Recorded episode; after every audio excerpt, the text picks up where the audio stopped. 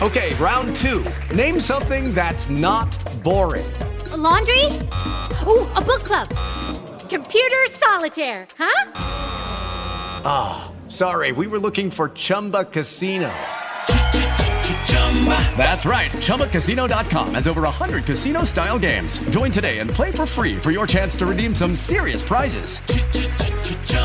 ChumbaCasino.com. No purchase necessary. Full prohibited by law. 18 plus terms and conditions apply. See website for details. Dag allemaal, dit is aflevering 4 van de podcast Het Leesvirus. Het concept is simpel, drie vrienden lezen drie boeken en praten daarover. En die drie zijn Olaf Koens, Ronit Palash en mijn naam is Stefan de Vries. We zijn alle drie besmet met het leesvirus en ja, we zijn alle drie op een andere plek in lockdown, maar gelukkig wel met microfoons. Daarom eh, heb ik nu Olaf en Ronit aan de lijn.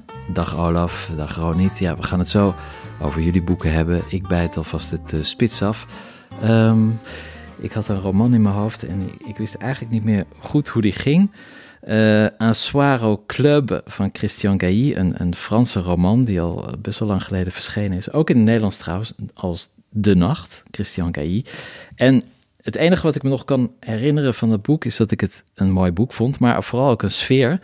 En die sfeer is dit. Kijk of jullie het kennen.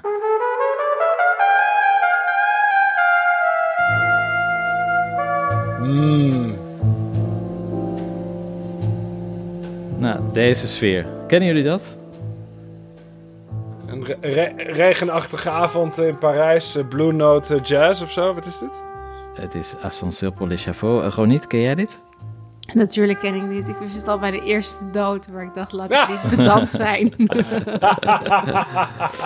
Oké, okay, nou, dit is een hele, ja, het, eigenlijk, misschien is de muziek nog wel beroemder dan de film, maar een film uit 1958 met, uh, met Jean Moreau, die niet zo lang geleden overleden is.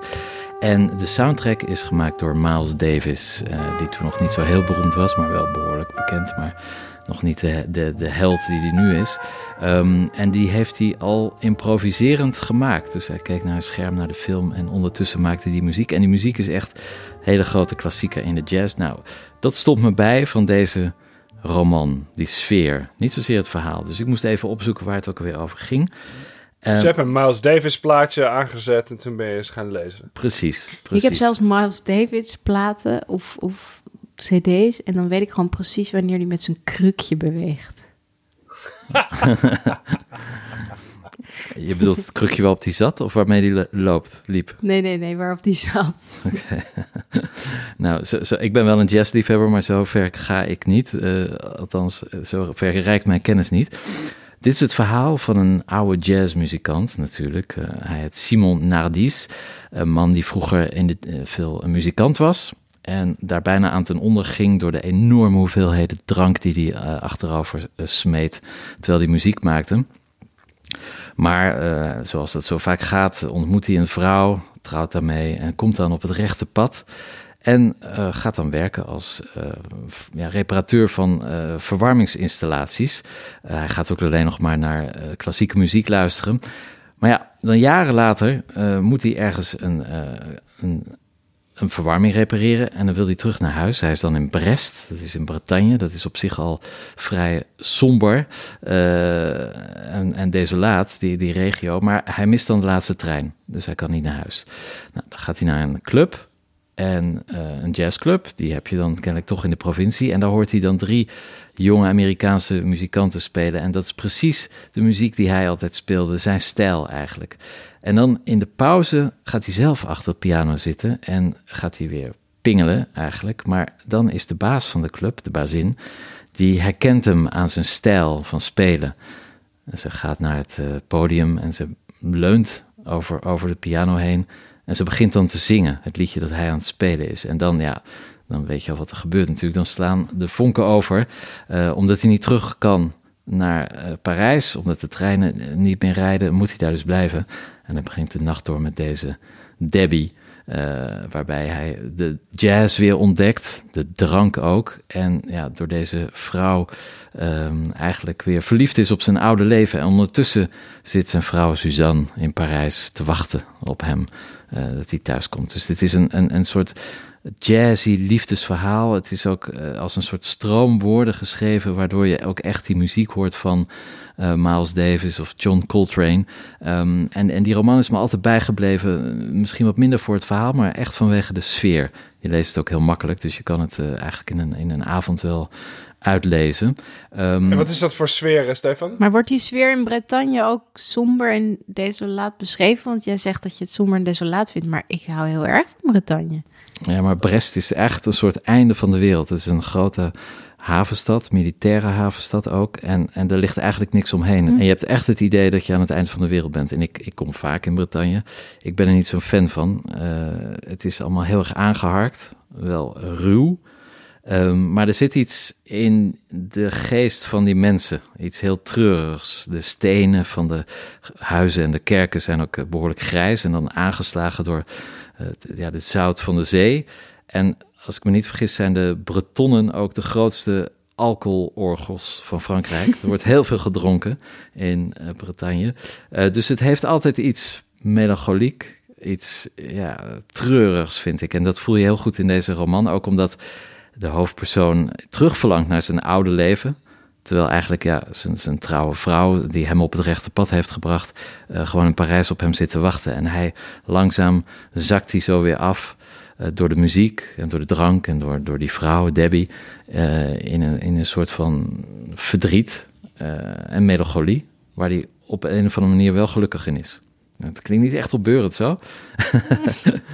Maar ik vond het een hele mooie roman. Klinkt een beetje als, als, alsof er echt wel een hele dikke moraal op ligt. Ik zoek altijd een beetje naar een, een groots en meeslepend leven. Maar hier klinkt een beetje door alsof uh, aan het eind uh, er toch een hoop uh, berouw is. En of, of die man met een kater en een hoop berouw dan toch de volgende dag met de trein terug naar Parijs gaat. Nou, ik zal niet vertellen hoe het afloopt. Um, maar dat zit er niet echt in. Er zit niet echt een moraal in. Het is gewoon een man die ja, misschien toch uiteindelijk gelukkiger was in zijn oude leven. Um, en ja, waar hij dan voor kiest, nou, dat mag uh, de lezer zelf ontdekken. Um, maar het is, het is een mooie sfeer die misschien ook nu wel past bij het onheilspellende, uh, niet zeker weten wat er gaat gebeuren in de toekomst. Um, terwijl je ondertussen een plaatje opzet van eh, John Coltrane of Miles Davis. Ja, ik mis het wel hoor, een jazzclub. Ik, ik weet, ik, ik kan zeker niet de eerste tonen van de muziek herkennen. En ik weet ook niet wanneer wie zijn krukje verschuift uh, bij welke opname. Maar het idee van een jazzclub, gewoon een soort rokerige tent waar je een soort gordijn opzij moet uh, tillen. Waar wat mensen hangen, waar je gewoon een beetje een praatje kunt maken met een onbekende. Uh, waar nog gerookt wordt. ja, dat, dat, dat, dat mis ja, ik dat wel laatste een beetje, bestaat ook eigenlijk. Niet meer echt. Maar er zijn natuurlijk nog wel echt geweldige jazztenten overal ter wereld. Ja, Chicago, Ja, Istanbul mag je in, eh, in Jazzcafé. Nardis eh, nog gewoon roken, kan ik je vertellen. Ja. Wat zeg je? Turkije. Jazzcafé Nardis? Ja. Nou, zo heet deze hoofdpersoon, Simon Nardis. En dat, Dat is weer afkomstig van een, eh, volgens mij van een plaat van Miles Davis. Maar Voilà. voilà. Zo is de cirkel rond. Zo is het Nee, dat cirkel vlak bij rond. mij om de hoek. Een Eh, bij, de, bij, de, bij de Galata-toren zit een eh, prachtig jazzcafé. Maar meer het idee dat je überhaupt naar een café kan gaan. Ja. Dat er allemaal mensen Nou, zijn. Dat je iemand op zijn schouder slaat. eh, dat je, dat je ja, schouder aan schouder met iemand staat te pissen. Een beetje melancholisch om je heen kijkt. ja, dat, eh, mwah, dat begin ik wel een beetje langzaam te missen. ja, ik begin het eigenlijk ook, ook wel te missen. Ik, eh, jij, gewoon niet? Nee, ik nog niet, gek genoeg. Ik heb een soort ongoing café in mijn hoofd, geloof ik. Nee, ik ben Hmm. nog niet zo dat ik eh, mensen mis. Maar dat zou ook kunnen dat ik gewoon zo'n overdosis heb gehad aan mensen voordat deze lockdown begon. Dat ik het er stiekem even van neem. Ervan uitgaande dat we ja, toch maar in die maakbaarheid blijven geloven. Dus dat hier toch een einde aan komt. Ehm, nou, dat was het dus. Een Swaro Club van Christian Gailly. Ook verschenen in het Nederlands onder de titel De Nacht bij uitgeverij eh, Bert Bakker.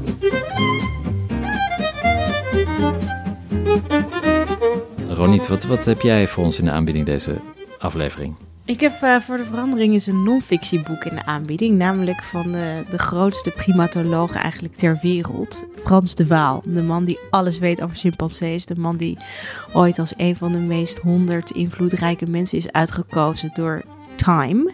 En nog wel van Nederlandse bodem. En er is werkelijk niemand die zo aanstekelijk kan schrijven over dieren en mensen. En wat die twee met elkaar te maken hebben. Althans in ongelooflijk welke mate ze hetzelfde zijn, kan ik beter zeggen dan Frans de Waal.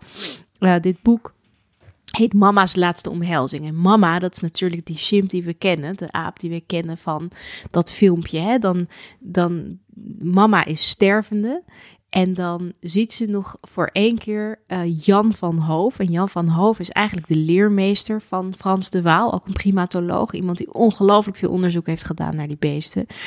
En ze is stervende en dan komt hij binnen en dan herkent ze hem. En dan dat afscheid is zo ongelooflijk ontroerend. Nou, jullie hebben het vast wel eens gezien op YouTube. Het is in ieder geval, als je het niet gezien hebt, is het een enorme aanrader om het alsnog te kijken. En wat Frans de Waal doet, en dat is een thema waarmee hij al een beetje bekend heeft, maar in het boek Mama's Laatste Omhelzing gaat hij eigenlijk echt in, puur op de emoties bij dieren.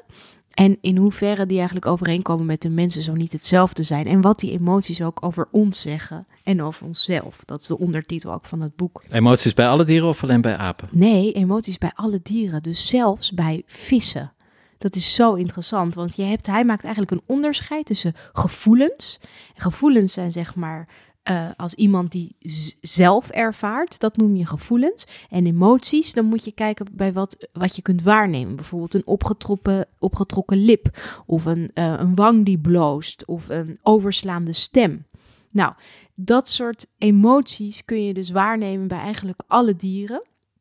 Zelfs wat hij dan noemt het de woordeloze pijn. Kun je bij vissen bijvoorbeeld iets waarnemen als ze een haak in hun mond hebben. Of bij een koe iets waarnemen als de kalveren worden weggehaald. Dus hij doet daarmee eigenlijk ook een beetje een appel op hoe wij omgaan met dieren in ja, de industrie met, met, met, uh, met vlees, met vis, et cetera, et cetera. Hij heeft het ook over schaamte en schuld bij dieren. Hij heeft het echt over insecten en vissen dus, die emoties hebben. En zelfs bij planten kun je dat waarnemen. Nou ja, hij schrijft daar zo onwaarschijnlijk mooi over in die anekdotiek die hij bezigt is nou ja, onmiskenbaar ook Frans de Waal. En je wil meteen alles dan weten. En je gaat alles opzoeken. En je wil ook de beelden erbij hebben. Hij schrijft trouwens ongelooflijk goed, heel beeldend. Maar als je het dan nog extra ook kunt zien. Daarna, uh, waar, wat hij allemaal beschrijft. Bijvoorbeeld in Japan hebben ze een hebben ze in zo'n een, zo hebben ze een test gedaan, of een test hebben gewoon geobserveerd. Dan zie je bijvoorbeeld hoe rouw werkt in de apengemeenschap. Nou, dat is iets ongelooflijks. Je ziet een moeder en haar jong sterft. En ze kan eigenlijk nog geen afscheid nemen van haar kind. En wat doet ze? Ze draagt het lijkje van dat kind de hele tijd op haar rug. Maar zo'n lijkje gaat ontbinden, gaat stinken, gaat uit elkaar vallen half. Uh, en die apengemeenschap die tolereert dat. En ze loopt dus een maand lang met dat stinkende, ontbindende lijkje van haar kind door de apengemeenschap. Totdat het echt helemaal uit elkaar valt en ze het ergens moet neerleggen in een veldje. En dan wordt ze begeleid door de apen. Dus dan zie je hoe prachtig mensen de kans geven iemand te laten rouwen. En hoe zo'n gemeenschap met haar meerouwt. En hoe wij natuurlijk als mensen ons daarin herkennen. Dat is ongelooflijk goed gedaan. Zo mooi besproken. Zoveel mooie anekdotes. En uh, een ongelooflijke aanrader, kortom. Interessant. Ik, ik heb vaak het, tegenovergestelde idee dat mensen, uh, maar het is heel ba bazaal, dat, dat, mensen heel veel van hun eigen emoties dan maar op dieren projecteren. Um, nou ja, dat doen we omdat we ze ons willen verhouden tot die dieren. Maar in, in, in zekere zin verschillen ze gewoon niet echt. Wij nemen ons als de maat, maar zij zijn net zozeer de maat. Olaf, je hebt zelf een boek geschreven over dieren. Uh, herken je wat uh, gewoon niet zegt? Of wat, uh... Nou ja, Frans de Waal eigenlijk. Uh, nee, nee, nee, daar kan ik me niet aan meten. Uh, ik ben absoluut geen primatoloog. nee, ik ben vooral bezig geweest met hoe mensen met dieren bezig zijn en wat mensen dieren aandoen. Um, het beste voorbeeld daarin is, is hoe dieren nationaliteiten krijgen. dus wij, wij, wij zien een, een vogel, zien we niet zomaar als een vogel, maar als een Nederlandse vogel. Of een, een, een, een Duitse vogel. Of we zien een gier als een Israëlische gier. Dat is de Israëlische gier in uh, Egypte land, wat doodnormaal is voor een gier. Uh, ja, dan is dat ineens een probleem. Uh, en dan wordt hij aangezien voor spion en zo. Dus mijn, uh, ik heb inderdaad een boek geschreven over dieren, maar dat, dat, dat, gaat vooral over, over de gekte van mensen en hoe wij met dieren omgaan. dat gaat niet zozeer over de emoties van die dieren zelf. Sterker nee, maar ik denk dat als wij meer inzicht krijgen in de emoties en niet het idee hebben dat onze emoties als mensen superieur zijn, maar dat je dus die emoties kunt waarnemen bij eigenlijk alle diersoorten, dus ook insecten en ook vissen, dat je dan op een hele andere manier eigenlijk zou kijken naar hoe je met dieren omgaat. Lucky Land Casino asking people what's the weirdest place you've gotten lucky? Lucky? In line at the deli, I guess? Aha, in my dentist's office. More than once, actually. Do I have to say? Yes, you do. In the car before my kids' PTA meeting. Really? Yes. Excuse me, what's the weirdest place you've gotten lucky? I never win and tell. Well, there you have it. You can get lucky anywhere playing at LuckyLandSlots.com. Play for free right now. Are you feeling lucky? No purchase necessary. Void where prohibited by law. 18 plus. Terms and conditions apply. See website for details. En, eh, eh, gewoon hoe je naar dieren kijkt überhaupt. En dat is echt zo ontzettend eh, overtuigend opgeschreven. Het is een prachtig boek. Ja, ik zal, er niet, ik zal er niet al te veel hoop uit putten, omdat je, ik bedoel, kijk hoe mensen met mensen al omgaan. Ja, maar dat is alleen maar het laatste staart. Dat is alleen maar hoe mensen omgaan met dieren. Dat is één stuk. Maar het is ook gewoon een verhaal of een boek van iemand die verwonderd schrijft over wat hij ziet ja. eh, en waarneemt. En, en dat is het leuke stuk ervan. Hè? Dus dat echt dat wetensch die wetenschappelijke passie voor, voor, voor die beesten waar hij al zo lang mee bezig is. Dat is ongelooflijk. Als primatoloog begeeft hij zich natuurlijk onder apen, maar hoe doet hij dat bij andere dieren? Heeft hij daar ook zelf waarnemingen gedaan, eh, zich verborgen onder een struik om, om naar koeien te nou, er, kijken? z- er zijn ten eerste echt veel studies over die hij dan echt tot zich neemt en dan ook vergelijkingen trekt met zijn eigen waarnemingen, bijvoorbeeld bij deze apen. Maar hij heeft ook wel echt dat bestudeerd zelf tot op zekere hoogte. Maar zijn grote fascinatie gaat volgens mij wel echt uit naar die chimpen. Fascinerend ook dat deze man is iemand die eh, eh, in Nederland eh, is opgegroeid, hier studeerde Ja. en uiteindelijk in Amerika zo ja. gigantisch groot is geworden. Ja. Daar een waanzinnige carrière heeft gemaakt en nu af en toe terugkomt naar Nederland en een graag geziene gast is natuurlijk in talkshows. Maar ik heb altijd wel, ik heb altijd een, een, een zwak voor mensen die het in Amerika weten te maken. Dan ben je echt wel Nou, dus hij beschrijft ook in het boek soms minder voorzichtig dan andere keren hoe erg die is tegengewerkt. Hoe mensen dat eigenlijk niet willen horen. Hè? Dat dieren zo vergelijkbaar zijn met mensen. Dat is echt fascinerend hoe die dan vanuit de wetenschap dan ook wordt tegengewerkt. Dat soort eh, passages in het boek hebben mij ook zeer gefascineerd. Het is echt een inkijkje in dat hele vakgebied. En hoe je dan toch als pionier moet blijven doordrammen en moet blijven hameren op de observaties die je doet. En mensen moet vertellen, kijk naar de feiten. Laat je gevoelens even wat ze zijn, de emoties zeg maar dan. Maar kijk even naar de feiten, kijk even wat je waarneemt. En dat doet hij zo ontzettend goed. Maar dan moet je wel voor durven, want je moet door heel veel ja, eh, vaststaande, vastgeroeste ideeën door. En dat, dat is natuurlijk ook waarom hij zo groot is geworden. Omdat hij gewoon altijd zijn eigen plan is blijven trekken. Ja, dus mama's laatste omhelzing, wanneer is dat verschenen? Uh, volgens mij is het vorig jaar verschenen in vertaling. Maar ik weet het niet helemaal zeker. Het is in ieder geval eerst uitgekomen in het uh, Engels. En het is uitgekomen in 2019 inderdaad bij uh, uitgeverij Atlas Contact in de Nederlandse vertaling. En het kwam oorspronkelijk uit bij Norton Company. Oké, dus mama's laatste omhelzing uit 2019 bij Atlas Contact door Frans de Waal.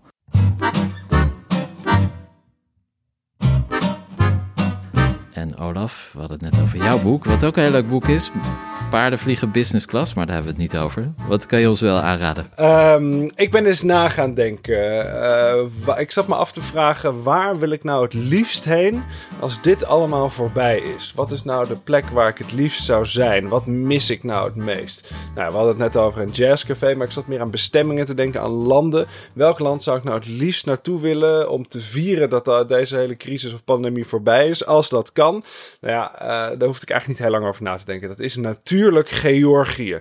Georgië in de Caucasus is een absoluut fantastisch land. Uh, ik ben er heel vaak geweest. Ik ben er getrouwd, notabene. Um, ik heb er ook wel eens over geschreven. En ja, Georgië is, is zo'n fascinerend mooi land. Met een totaal eigen cultuur, een eigen taal. Ze hebben zelfs een eigen alfabet.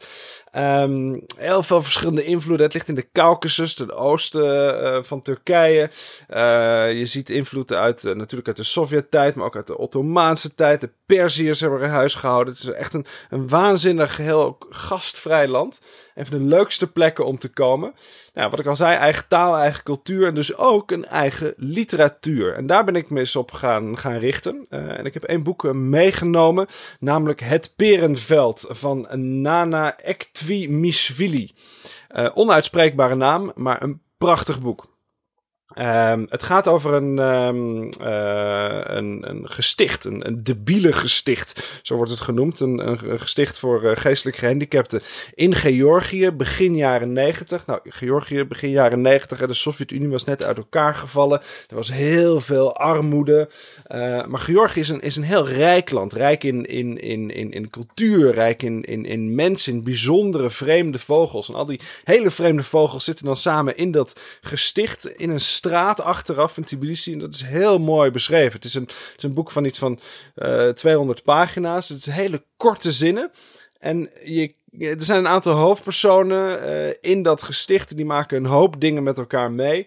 Uh, misbruik is eigenlijk het centrale thema. Uh, er is daar een klein veldje naast dat gesticht. Waar mensen worden verkracht. soms kinderen nog. daar wordt dan wraak opgenomen. Dat is dat beruchte perenveld eigenlijk als je het boek leest, lijkt het wel alsof dat Perenveld altijd maar in bloei staat. En alsof heel Georgië in bloei staat. Het is, het is altijd zomer. Het is een heel mooi, beeldend uh, geschreven boek. En wat er fascinerend aan is, is dat um, uh, behalve de, de, de, de trauma van, van seksueel misbruik, zit er ook een ander trauma in. Een van die kinderen wordt op een gegeven moment geadopteerd door een stel Amerikanen. En het feit dat dat kind dan naar Amerika mag en de rest moet daar blijven, nou, dat, dat slaat natuurlijk in als een bom. Dan ontstaat heel veel discussie, rumoer in dat huis. Um, en je ziet daarin heel goed het, trauma ook een beetje van Georgië. Je, je, ja, als, jij, als jouw kinderen geadopteerd moeten worden door Amerikanen, ja, dan heb je het als land wel heel erg bond gemaakt. Um, en die Amerikanen die komen uiteindelijk naar dat gesticht, die nemen dat kind mee. Nou hoe dat dan uiteindelijk gaat, uh, uh, moet je zelf maar lezen. Maar het is een heel mooi, uh, roman waarin, waarin dat land op een hele eerlijke, tragische manier uh, naar buiten komt. En ja, Georgië is natuurlijk een, een, een, land wat, wat heel rijk is aan literatuur, maar we krijgen daar maar heel weinig van mee. Ik geloof dat uh, Het Achtste Leven is een beetje een hit geworden. Hè? Dat heb ik ja. eigenlijk nooit gelezen, moet ik zeggen, van Nino Hartjesvili. Ja, dat is een maar Georgië... ik hier staan. Dat is een kolossaal boek. Maar kolossaal boek, waanzinnig. Ja. Ik vond het ja, echt is het goed? meesterlijk. Ja, ja, Kijk. Ja. Kijk, en, en, en, en er is meer uh, Georgische literatuur. Uh, je hebt uh, Ali en Nino van Kurban Said. Tolstoy heeft natuurlijk over de Caucasus geschreven. Dus Kurban Said is het uit Georgië? komt eigenlijk, ja, ja, waar komt Kurban Said vandaan? Nee, nee, nee. Kurban Said was een, was een, een, een Duitse, Azerbeidjaanse ah. schrijver met een Joodse achtergrond. We weten eigenlijk niet precies wie dat was. Maar de hoofdpersoon van Ali en Nino, ja, dat is natuurlijk het meisje Nino, een Georgische. Maar het Perenveld klinkt echt als een boek wat Michel Krieler zou bespreken voor NRC. Ja, dat heeft hij natuurlijk ook gedaan. uh, ik zal eens even bijpakken wat daarover staat. Um, nou ja, hij noemt het een vrij debuut, keer geloof ik. Natuurlijk heeft hij dat besproken. Um, uh, ik, vond het, ik vond het heel mooi. Ik, ik hou niet zo van, van, van romans waarin allemaal hele korte zinnen staan en wat een beetje, beetje heel, heel scherp uh, beschreven is. Het, li het, lijkt een beetje op non-fictie op een bepaalde manier. Je hebt echt wel het idee dat dat, dat het tehuis echt bestaat en dat je er bij wijze van spreken morgen naartoe kan gaan. Uh, maar ik vond het, ik vond het mooi. Um, de, de, de trauma's die erin zitten. er, is, er zit echt geen. Het, wordt neergezet en je mag er vervolgens zelf uh, bepalen wat je ermee doet. En wat mij heel erg aangreep was dus die, ja, die, die, die, die adoptietragiek. Hè? Het is al erg genoeg dat je, dat je kinderen moet afstaan uh, aan, een, uh, um, aan een gesticht. En dat die kinderen dan ook nog eens worden opgehaald door rijke mensen die niet jouw taal begrijpen, niet jouw cultuur begrijpen, maar een beetje medelijden met je hebben. Um, en die, die, die kinderen in, in dat gesticht, uh, die hebben niet zoveel medelijden. En die proberen met zichzelf en die proberen er een beetje het beste van te maken. Um, heel erg mooi. Je hebt echt het idee dat je het ziet en dat je er geweest bent. Um, ja, en wie wil het nou niet zien? Wie wil er niet geweest zijn in Georgië? Ik kan het alleen maar aanraden. Het is echt een, het is een fantastisch land. Zijn jullie er ooit geweest? Nee, ik ben er nooit geweest, maar het is heel grappig, want ik heb vorige zomer heb ik een meisje ontmoet. En dat zij bleek dan een soort onderminister te zijn geweest van financiën. Maar ze zag eruit als een soort Russische pornoster. maar die was opgeleid in Harvard. Was een van een briljant meisje. En die kende werkelijk alles en iedereen daar. En ze, was, ze, had, ze had zulke krankzinnige verhalen. En ook hoe ze eruit zag, correspondeerde zo totaal niet met de functie die ze had bekleed. Ik vond het, ik vond het toen al iets heel magisch hebben. Van dat moet ik zien, het echt, ja. Ehm, nee, kijk, Georgië, in, in de tijd dat dit boek speelt, het Perenveld, hè, dat is begin jaren negentig. En dan is Georgië ontzettend arm en waarschijnlijk een van de meest corrupte landen ter wereld. Uh, en er is in Georgië natuurlijk heel iets bijzonders gebeurd uh, um, uh, 2008, 2009. Toen hebben ze de oude corrupte garde eruit gesmeten en een nieuwe, naar achteraf blijkt, even, even zeer corrupte garde erin gezet. Ja, en dat hele land is jarenlang bestuurd geweest door hele jonge mensen. Michael Saakashvili natuurlijk, de toenmalige president, die was toen ook vrij jong, maar die heeft inderdaad, ik heb ook wel eens met een, met een minister gesproken, ja, die was 27 of zo. Ja, die Michael Saakashvili, die wordt nu in Terneuzen all places. Ja, vanwege zijn Nederlandse vrouw. En, en, en Saakashvili heeft nog een tijd uh, natuurlijk in Georgië gezeten en in Polen. Nou goed, dat, dat, dat is een romanfiguur aan zich. Uh, daar kan ik nog uh, uren over praten, over meneer Saakashvili. Um, maar om een goed beeld van Georgië te krijgen, lees vooral dat boek. En dan zie je die, die chaotische jaren negentig, waarin iedereen maar een beetje probeert rond te komen. Waarin die kinderen dan proberen te bellen naar hun ouders die de telefoon niet opnemen. Of ook verhuizen naar het buitenland. En uiteindelijk die rijke Amerikanen komen. En er zit iets heel fascinerends in. Wat is het aller mooiste aan Georgië? Nou, je kunt natuurlijk zeggen de mensen, de, de, de, de cultuur, de taal. De, maar eigenlijk wat, wat, wat, waar iedereen uh, van versteld staat, en dat heb ik zelf ook, is het eten. Het eten in Georgië is echt fascinerend. Totaal autonome keuken.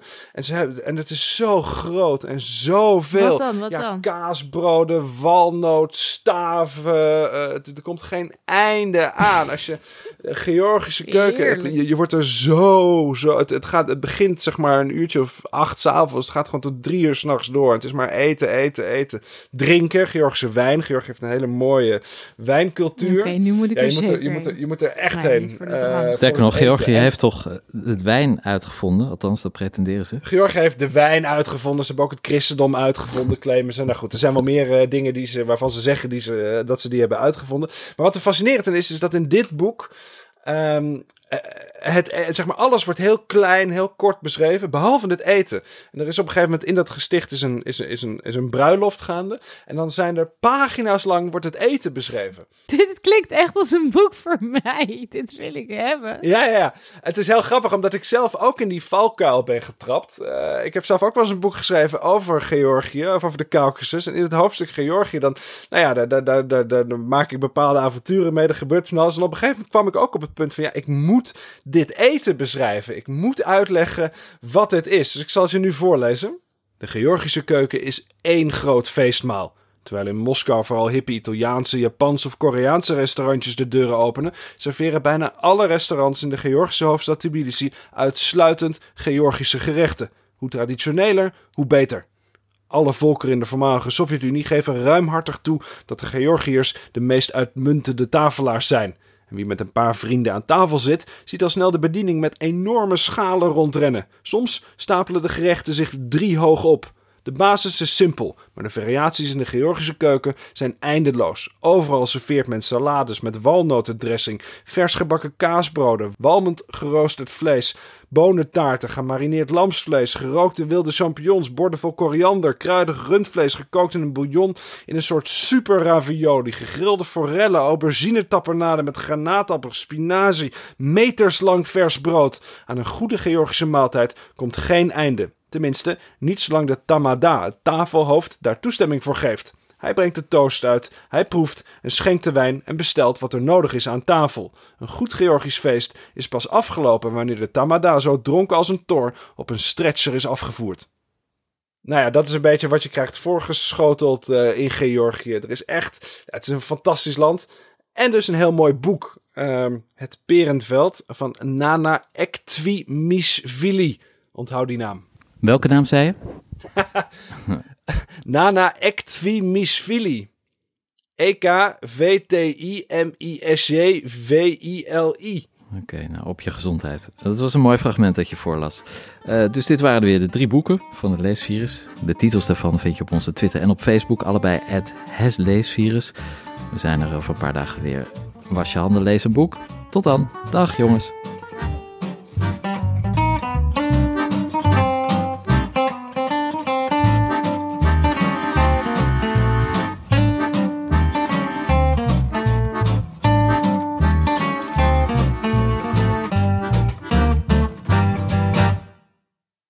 Ryan here, and I have a question for you. What do you do when you win?